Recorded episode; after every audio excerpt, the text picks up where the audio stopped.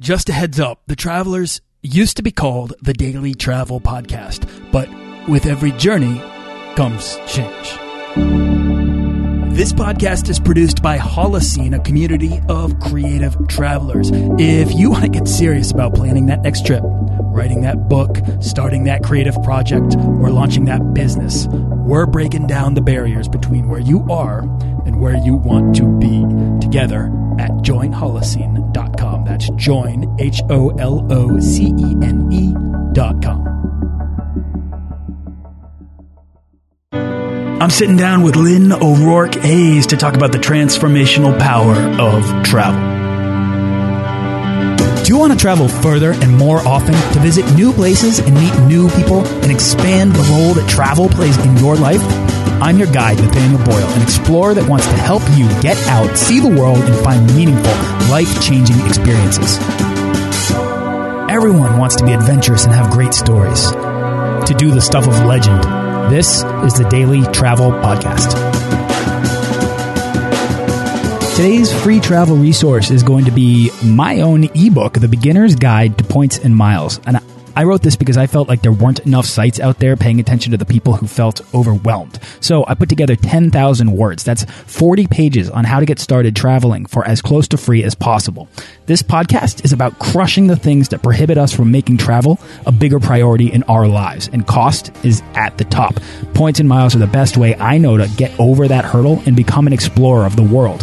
This book is yours completely free at dailytravelpodcast.com.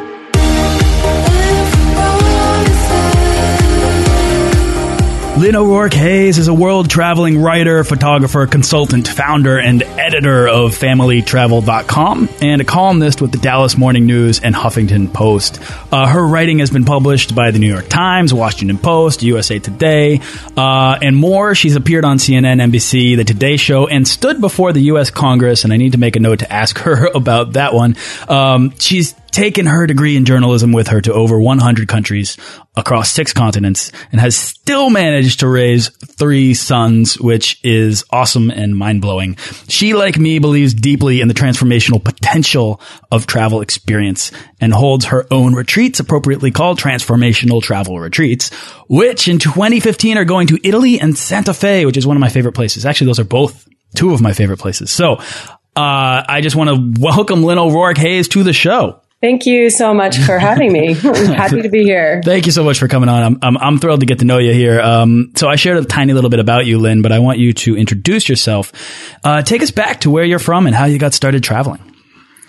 Oh gosh, well, I um, am a Midwesterner. I grew up in Ohio, and you know, we started our travels really in our backyard. My dad was big mm. into camping and, and we would just, I'm the oldest of five kids and we would just go to lakes and into the woods. And I really think just those simple things, you know, instilled a sense of adventure.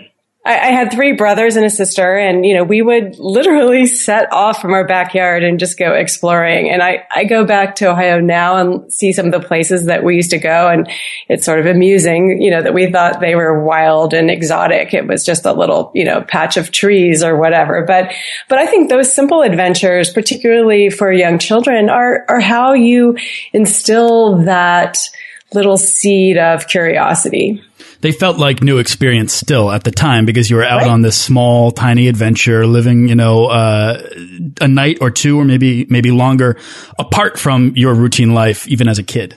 Yes, exactly. Exactly. And then I ended up going to school in Arizona, doing an internship in Washington, and then went to work for a magazine and had the good fortune to interview two guys who were running the Best Western hotel chain at the time. And then that's when I began to travel because at the time, Best Western was the world's largest lodging chain. And so wow. I, I never knew they had that. Yes, exactly. And, and so I just started, you know, traveling to meetings and actually doing press trips and, and, um, and just heading out into the world. And, and that was the beginning of, of uh, many great adventures that followed. I love that. So that was really the beginning of a career as a travel writer. Yes. Okay. And so where did that, where has that taken you? Um, as a writer uh, from from that point i mean whether that was with best western or in time i mean to go to 100 countries at no point did we talk about anywhere that you've been but did best western really start ticking off the list of countries well, you know, I think even though I was in a corporate role, uh, for example, you know, I was in Berlin just as the wall came down, which was an amazing experience. And, you know, I just, it did begin my traveling and gave me a sense of the fact that there was so much more to see and learn and do and experience than what I had experienced as a child in Ohio, you know, all of which was good, but it really stoked the fires of wanting to see what else was out there. Let me let me ask you more about the being in Berlin when the wall's coming down. What were you mm-hmm. doing there? Who were you writing for a particular thing, or were you just covering for yourself? No, I, I actually was at ITB. You know, it's a big travel show that a lot of people attend, but it was. Um, I used to go to that show several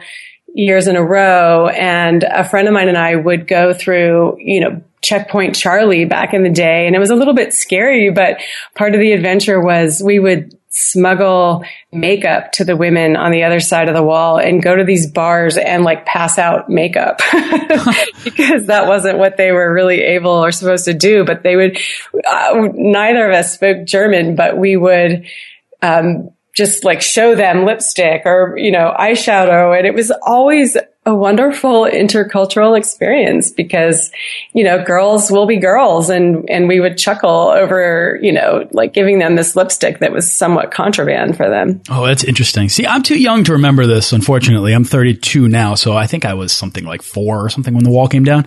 Um, yeah, it's been 25 years. Yeah. Okay. So what was it, what was it like there when you were there? I just, I just feel like I need to ask somebody that's. Oh, that's yeah. It was, you know, really like you went through the which that now it's a museum but then it was a literal checkpoint and you went to the other side and it was like going into a black and white movie because there were no you know billboards nothing was you know colorful everything was gray and dark and people were suppressed. I mean, obviously they literally were.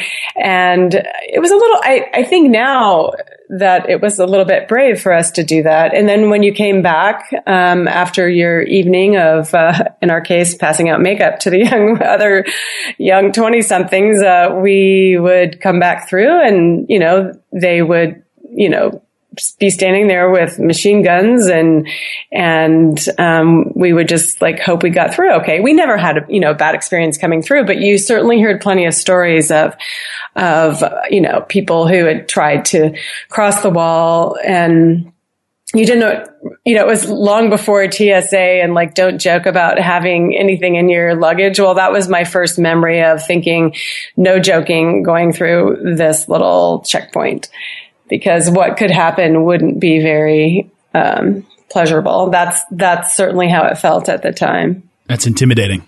Yeah, it was. Wow. All right. So let me step back. You studied journalism in Arizona and then got a job in Washington, right? DC?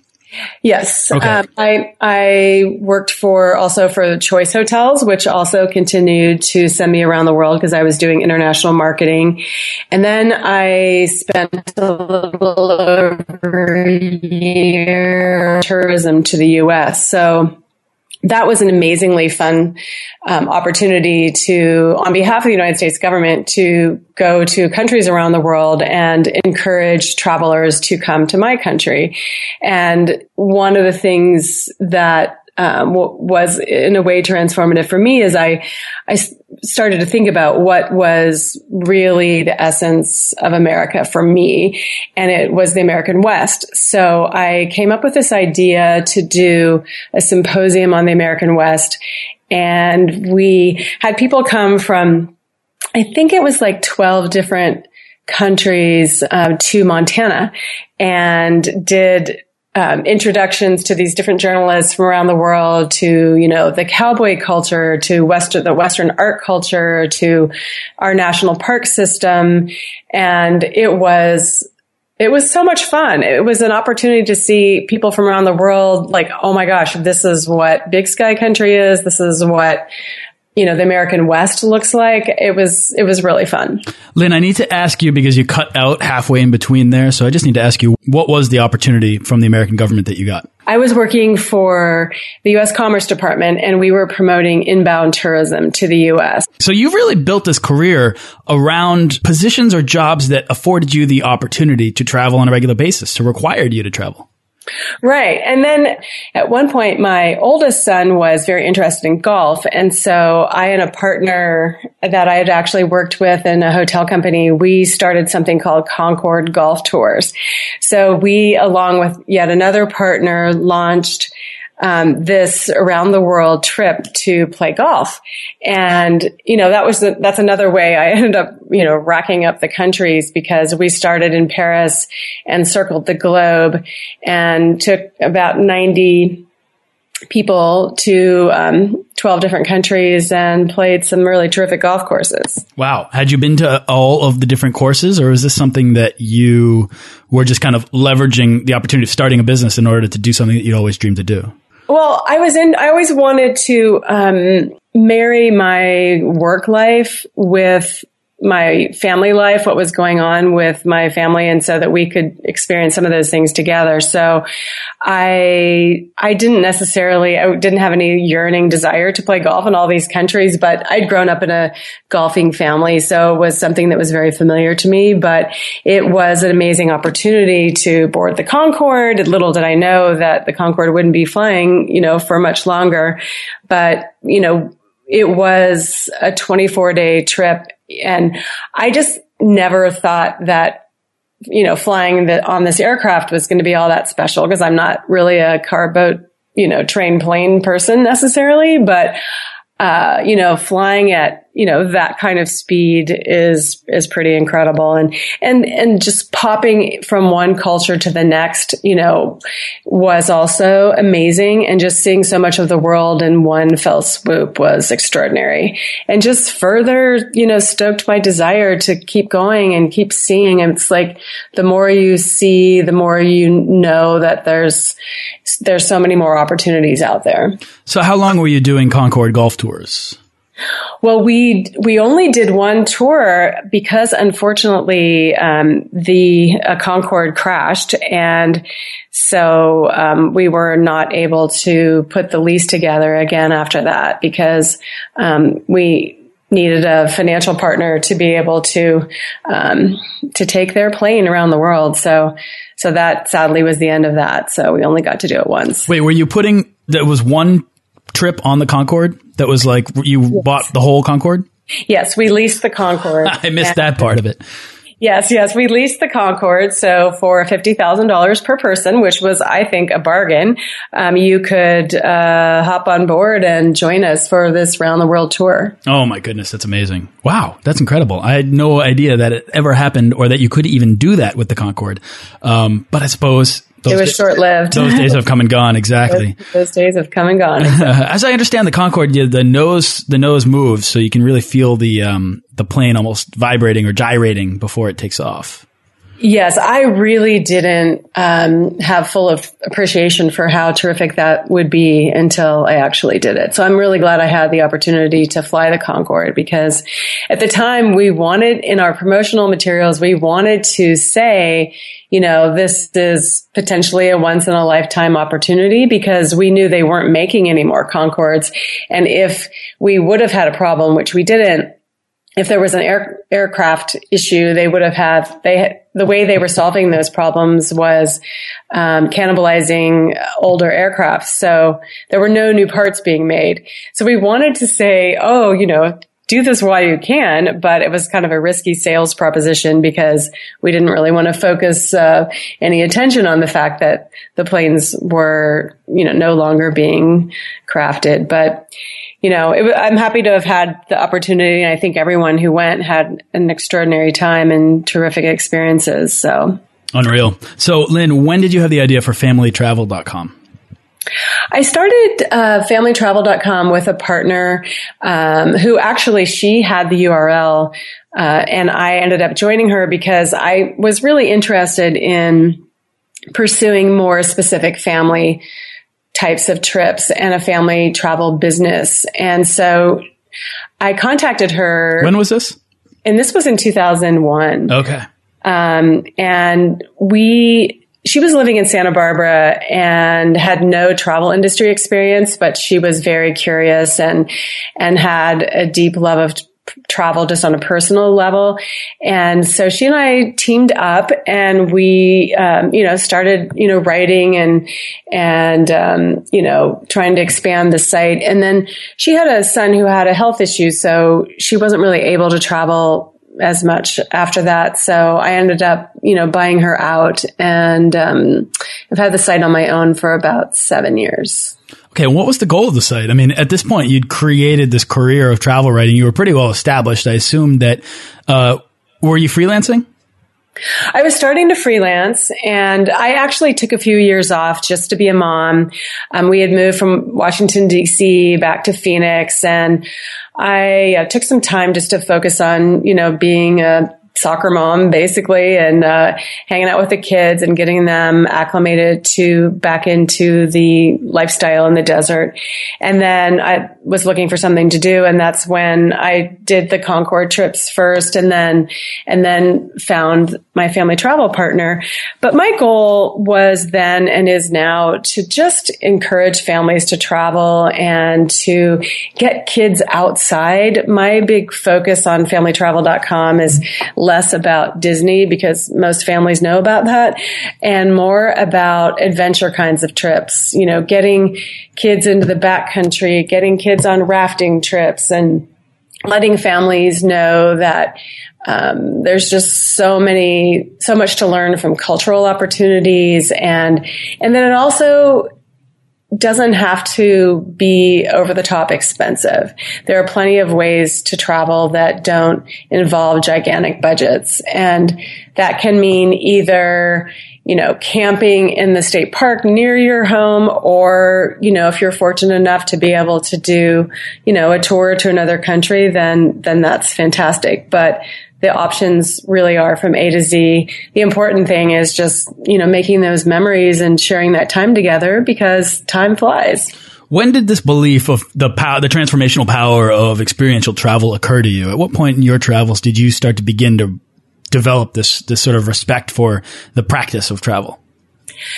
I really think it was in my DNA. I, I can remember so clearly the very first time I left the country, which was to go to Ireland in my 20s. And um, I, like you, have an Irish uh, last name, and I have dark hair and blue eyes, and I can so clearly remember waking up um, on that very first morning and looking around and thinking, oh my gosh, these are my people. You know, these people look like me. I look like them. And it felt in some respects like a homecoming. And in that moment, it was like a new layer of my life because here I was in a completely different culture, a place I had never been, and I kind of had this visual in my head of what I thought it was going to look like, which was kind of like a fairy tale land. And it was a real place, and it was just so thrilling.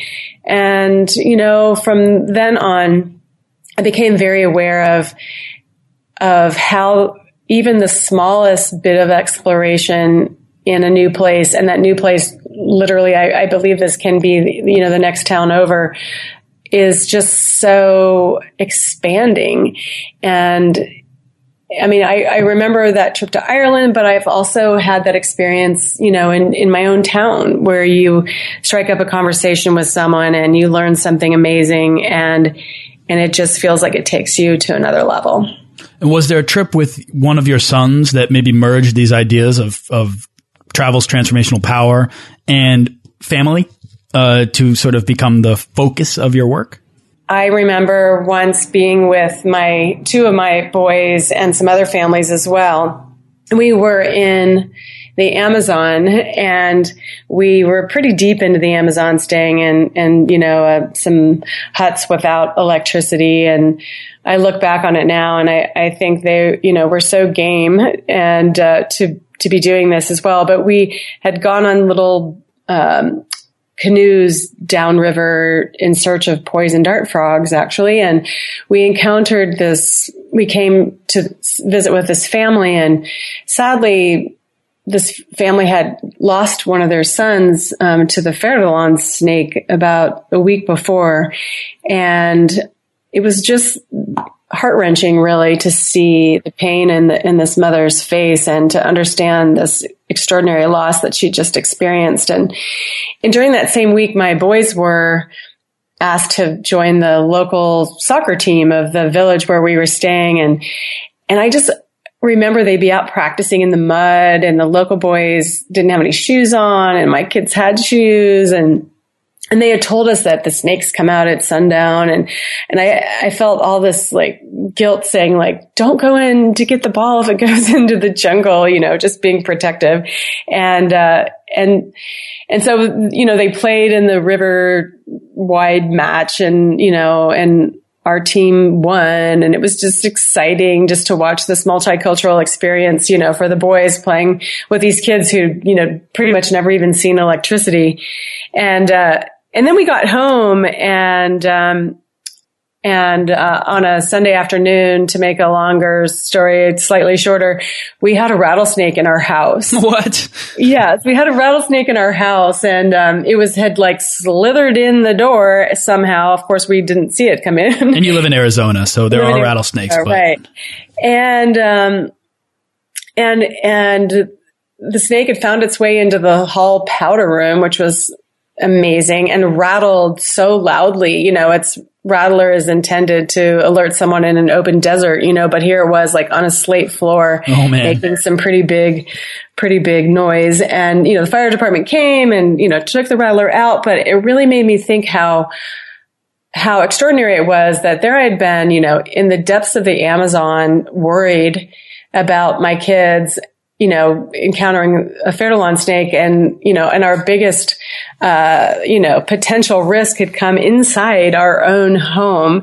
It was just another lesson that, you know, don't stay home because you're afraid of things. You know, don't stay home because you, you don't want to take certain risks. Just get out there and, and the right things will happen. You know, you'll have experiences that will be transformative and, and we all still talk about that trip, about how amazing it was for all of us. What sort of changes have you seen in them and your three sons uh, growing up? At what point did they start traveling? You know, really from, you know, from pretty much day one, they were travelers. You know, we would go hiking or to the beach or, you know, just sort of the typical things and then started doing more elaborate travels later. But they are all travelers in their own right now. And every now and then I will like raise my eyebrows thinking like, Oh, really? You're going to do that? And they will uh, look at me like, well, we learned this from you. you set the example, but you set a great example, I think, because it's this, uh, it's this opportunity for experience, curiosity, imagination, wonder, all of these things that are waiting, uh, waiting to be discovered absolutely. out there, right? Absolutely. Have you seen any direct correlation between the trips that you've taken them on as young kids and their development? Yes, I think probably the most important thing that I see in them as adults, now they're all adults, is that from a very early time, they learned that they became citizens of the world. I mean, they, they learned that, you know, being American isn't the end all be all. They have a respect for other cultures and an understanding of that. I, when I say that, it reminds me of we, my sister-in-law and I took two of her two kids and two of my children to Europe just after 9-11. It was the following March. And we went to London and Paris and there were quite a, a lot of demonstrations in both cities, um, pursuant to 9-11. And at one point, in Paris, um, we had an episode in the metro where um, the guards wouldn't let us out, and because um, my youngest son had lost his ticket, which was the reason they were saying it. But there was a, there was a fair amount of anti-American sentiment, which was um, very instructive, really, to all of us. And it was at that point that I think they started to really process that it's a big world out there, and we're a part of it and we want to be able to respect that. I mean, I really saw it in their faces and even something simple like watching international CNN. It's not all from an American point of view, you know, and I would just watch them and, and, uh, you know, so there's the political aspect of it. And then there's the adventure aspect of it. You know, my youngest son was in Peru climbing a mountain and, you know, and I, I was in awe that he was doing it, you know, just, and he didn't ask my permission, but it was thrilling, you know, to see him take these, these, you know, giant leaps forward and, you know, climb a mountain and just be successful at exploration. And it's, it's really gives me a lot of joy to see that that's, transpired. Sure. Well, I mean, in this conversation so far, we've we've gone through the Berlin Wall, we've flown on the Concorde, we've gone into the Amazon rainforest, we've talked about climbing mountains, um, and more. That's just scratching the surface. Uh, what amazes me about travel and what I truly love uh, is is that it affords us the opportunity to create for ourselves our own personal legend through these experiences. You know what I mean? So we find these stories and they're so out there, like hiking a mountain in Peru, where you can come home and you can tell, you can share these stories with the people who are back home, whether that's you as family, friends, or your kids, um, and inspire uh, the people who follow you in time to uh, want to do the same, to want to be as adventurous as you. Um, to me, I think that's an, an incredibly transformative power of travel. Uh, and so to hear, you know, these, these sort of, these legendary stories from you about going through the Berlin Wall, I, I don't know, to you, it might seem like a simple thing. To me, it's this, there's a lot of grandiosity there. Well, you know, I, agree. I mean, it, there are so many examples that we all can share about our travels and how they might have transformed us. And that is a lot of what we talk about in our transformational travel retreats because it is really about creating our own story.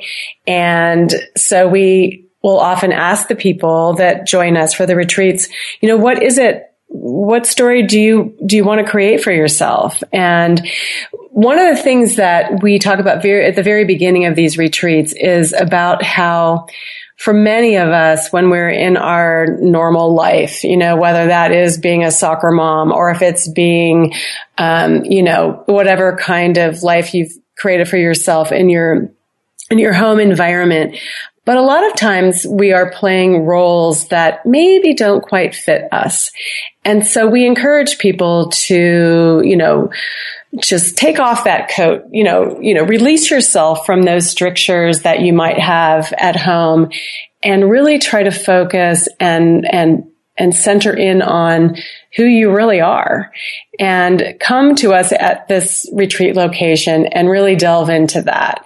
So I think sometimes when you shed those, those strictures and, and allow yourself the time and the space to be in your essence, you're going to see things in a new way. You're going to have experiences that you didn't expect and really be able to tap into our creativity as well. Oh, I love that. All right. See, everything you're talking about is so cool. This, this idea of a creative wanderer to me has always been maybe, I don't know, this ideal way of being. I love to, to step out of my norm and go and try to be creative in other places. Uh, it's kind of unusual, but like I will go and uh, design a podcast, for example, in Switzerland, because I feel like when I step outside of my routine, I'm more likely to be creative because I'm surrounded by all this new things that sparks a lot of ideas. Um, and I like to, yeah, right. Yeah. And so for me, that's one of the, the truly great things about stepping, uh, or I should say about travel and traveling to new places to um, create for yourself a story, you're you're going to be in the right sort of explorer's mindset. Exactly. The explorer's mindset is, is, you know, just totally spot on for what we want people to come away from our retreats with. And one of the things that we do is we encourage people to wander in, in the location where we go. And it's so interesting that you use that word too, because at one point I had used the word wander in something I wrote and someone felt commented that it seemed wander is they thought was somewhat of a negative word. It was a word that implied mm, no direction. And I was like, I thought exactly, you know, exactly, but I don't see it negative. It maybe is no direction, but yet in a positive way, because when you're traveling and you wander, you're going to find yourself, you know, wandering through alleyways in small villages in Italy, or you're, even if you're wandering from one art gallery to the next, it's not like you have this, like, I need six minutes here, seven minutes there. And I think that's where the magic is, is when you are open to a new experience. You are willing to allow a conversation to take place that if you were in a hurry to get to the next, you know, stop or whatever, it would never, it would never transpire. So you need to have that wanderer's mindset, I think, to have the most amazing transformational kinds of encounters. I completely agree. I mean, the best stories and memories are created from the things that we can't expect. And that's what this show is all about, you know, helping people put themselves in the position to have these life changing experiences, right? But you have to put yourself in a position to let these things happen to you. You can't usually go out, pursue them, find them, uh, because there cannot be an expectation if you want to experience something that captures your attention in such a way that becomes this indelible experience in your memory. Exactly. And one of the other tools that we use is photography. I am also very passionate about photography. And for me, been a tool that's helped me to see the world in yet another way. And so we encourage our participants to, um, to bring some kind of a camera and it can be your iPhone. It can be, you know, the fanciest Nikon out there. It doesn't really matter. But the idea is to begin to see with an artist's eyes. So no matter where you are, you start to see shapes and light and color and faces and texture all in a way that maybe you never did before. But once you start seeing with a photographer's eye, it's going to yet again take you to another level of exploration. Absolutely, because what you're doing there is you're not just looking at something and responding to it, but you're beginning to pay attention to exactly what it is about that thing that gives you the response that you do, whether you like it or you don't like it. I think that it's that, it's that response to whatever that stimulus is that teaches you something about yourself. And so then it becomes this sort of, sort of exploration of self identity through your travel experiences. Um, but you have to be really deliberate and you have to take the time to do that. And I think that artists and creatives tend to do that while they're traveling. Yes, yes.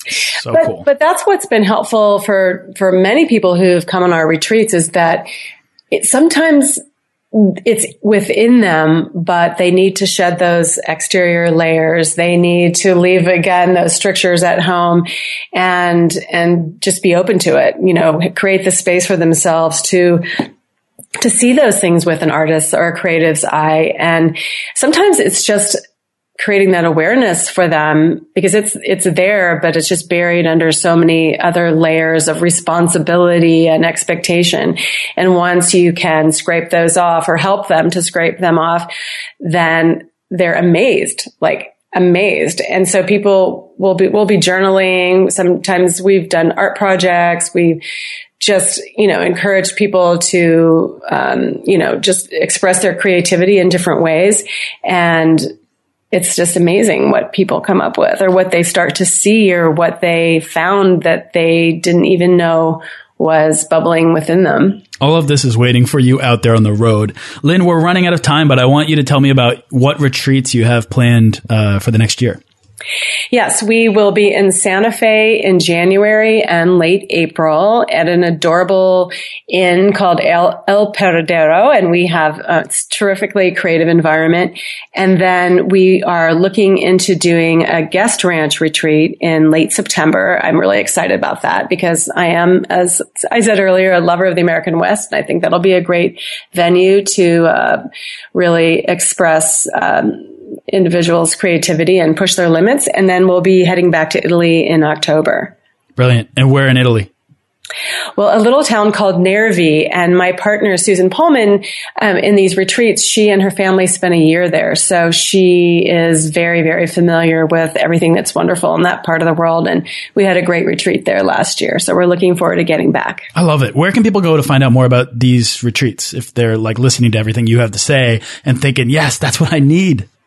Yes, well, I think maybe the easiest way is through my personal website, which is lohayes.com, L-O-H-A-Y-E-S.com. And there's a link there to, to the retreat pages. Cool. I feel like we've, we've covered so many different topics today, which I think is really great. Um, but I want to make sure, is there anything else that you'd like to share about anything about travel or life or family travel before we wrap up? I just, you know, want to encourage people to get out there and, and explore the world because there, I, I really believe that, and it, you know, it might sound a little corny, but I just think that the path to world peace is, is, you know, via travel, the open road. Once people experience other cultures and understand that the end of the day, we are all human, so many of the other issues just fall by the wayside. I love that. All right. What's exciting you the most right now, Lynn? Where's your next trip or what's your next project? Well, my next uh, trip is only is to Denver with family. I'm just back from New York, as I said, but um, I'm hoping to um, get to Antarctica next year because Ooh, wow. Even though um, number I've seven, huh? A hundred countries, yes, number seven, and uh, so I'm really hoping that I can, um, um, you know, get there and, and see the amazing wildlife and and the experience that those who've gone before me have said is is waiting for me there. I love that. Before I let you go, I have to ask you because I said this in the intro. What were you standing before the U.S. Congress for? Ah, uh, yes. Well, I wrote a book in the early 90s about balancing work and family. And part of that, you know, was related to my interest in traveling. And it just was so difficult to find time and time not just to travel, but just to be with family when you have a demanding job. So I um, testified before a committee that was looking at family and medical leave issues and my point was that families need time together and families need flexibility. And I remember like saying that at the time it was far more acceptable to say you had a flat tire on the way to work than to say you had to take a sick child to the doctor. And um, that was a quote that got spread far and wide because it was so true at the time, which is a little bit hard to believe now, but but that was the talk about balancing work and family. Unbelievable. All right. Well, that's really that's really amazing. All right, Lynn, it's been so cool to get to know you. Thanks so much for coming on the show, taking your time to tell your story, and uh, uh, really talk about this transformational power. I'm literally going to go like at the end of this. I'm going to go check out your retreats because I've looked at them, but everything you had to say, I'm like, this is it. This is what this is like. Everything I believe about travel encapsulated into one experience, waiting for anybody listening. Thank you so much. Thanks for having me.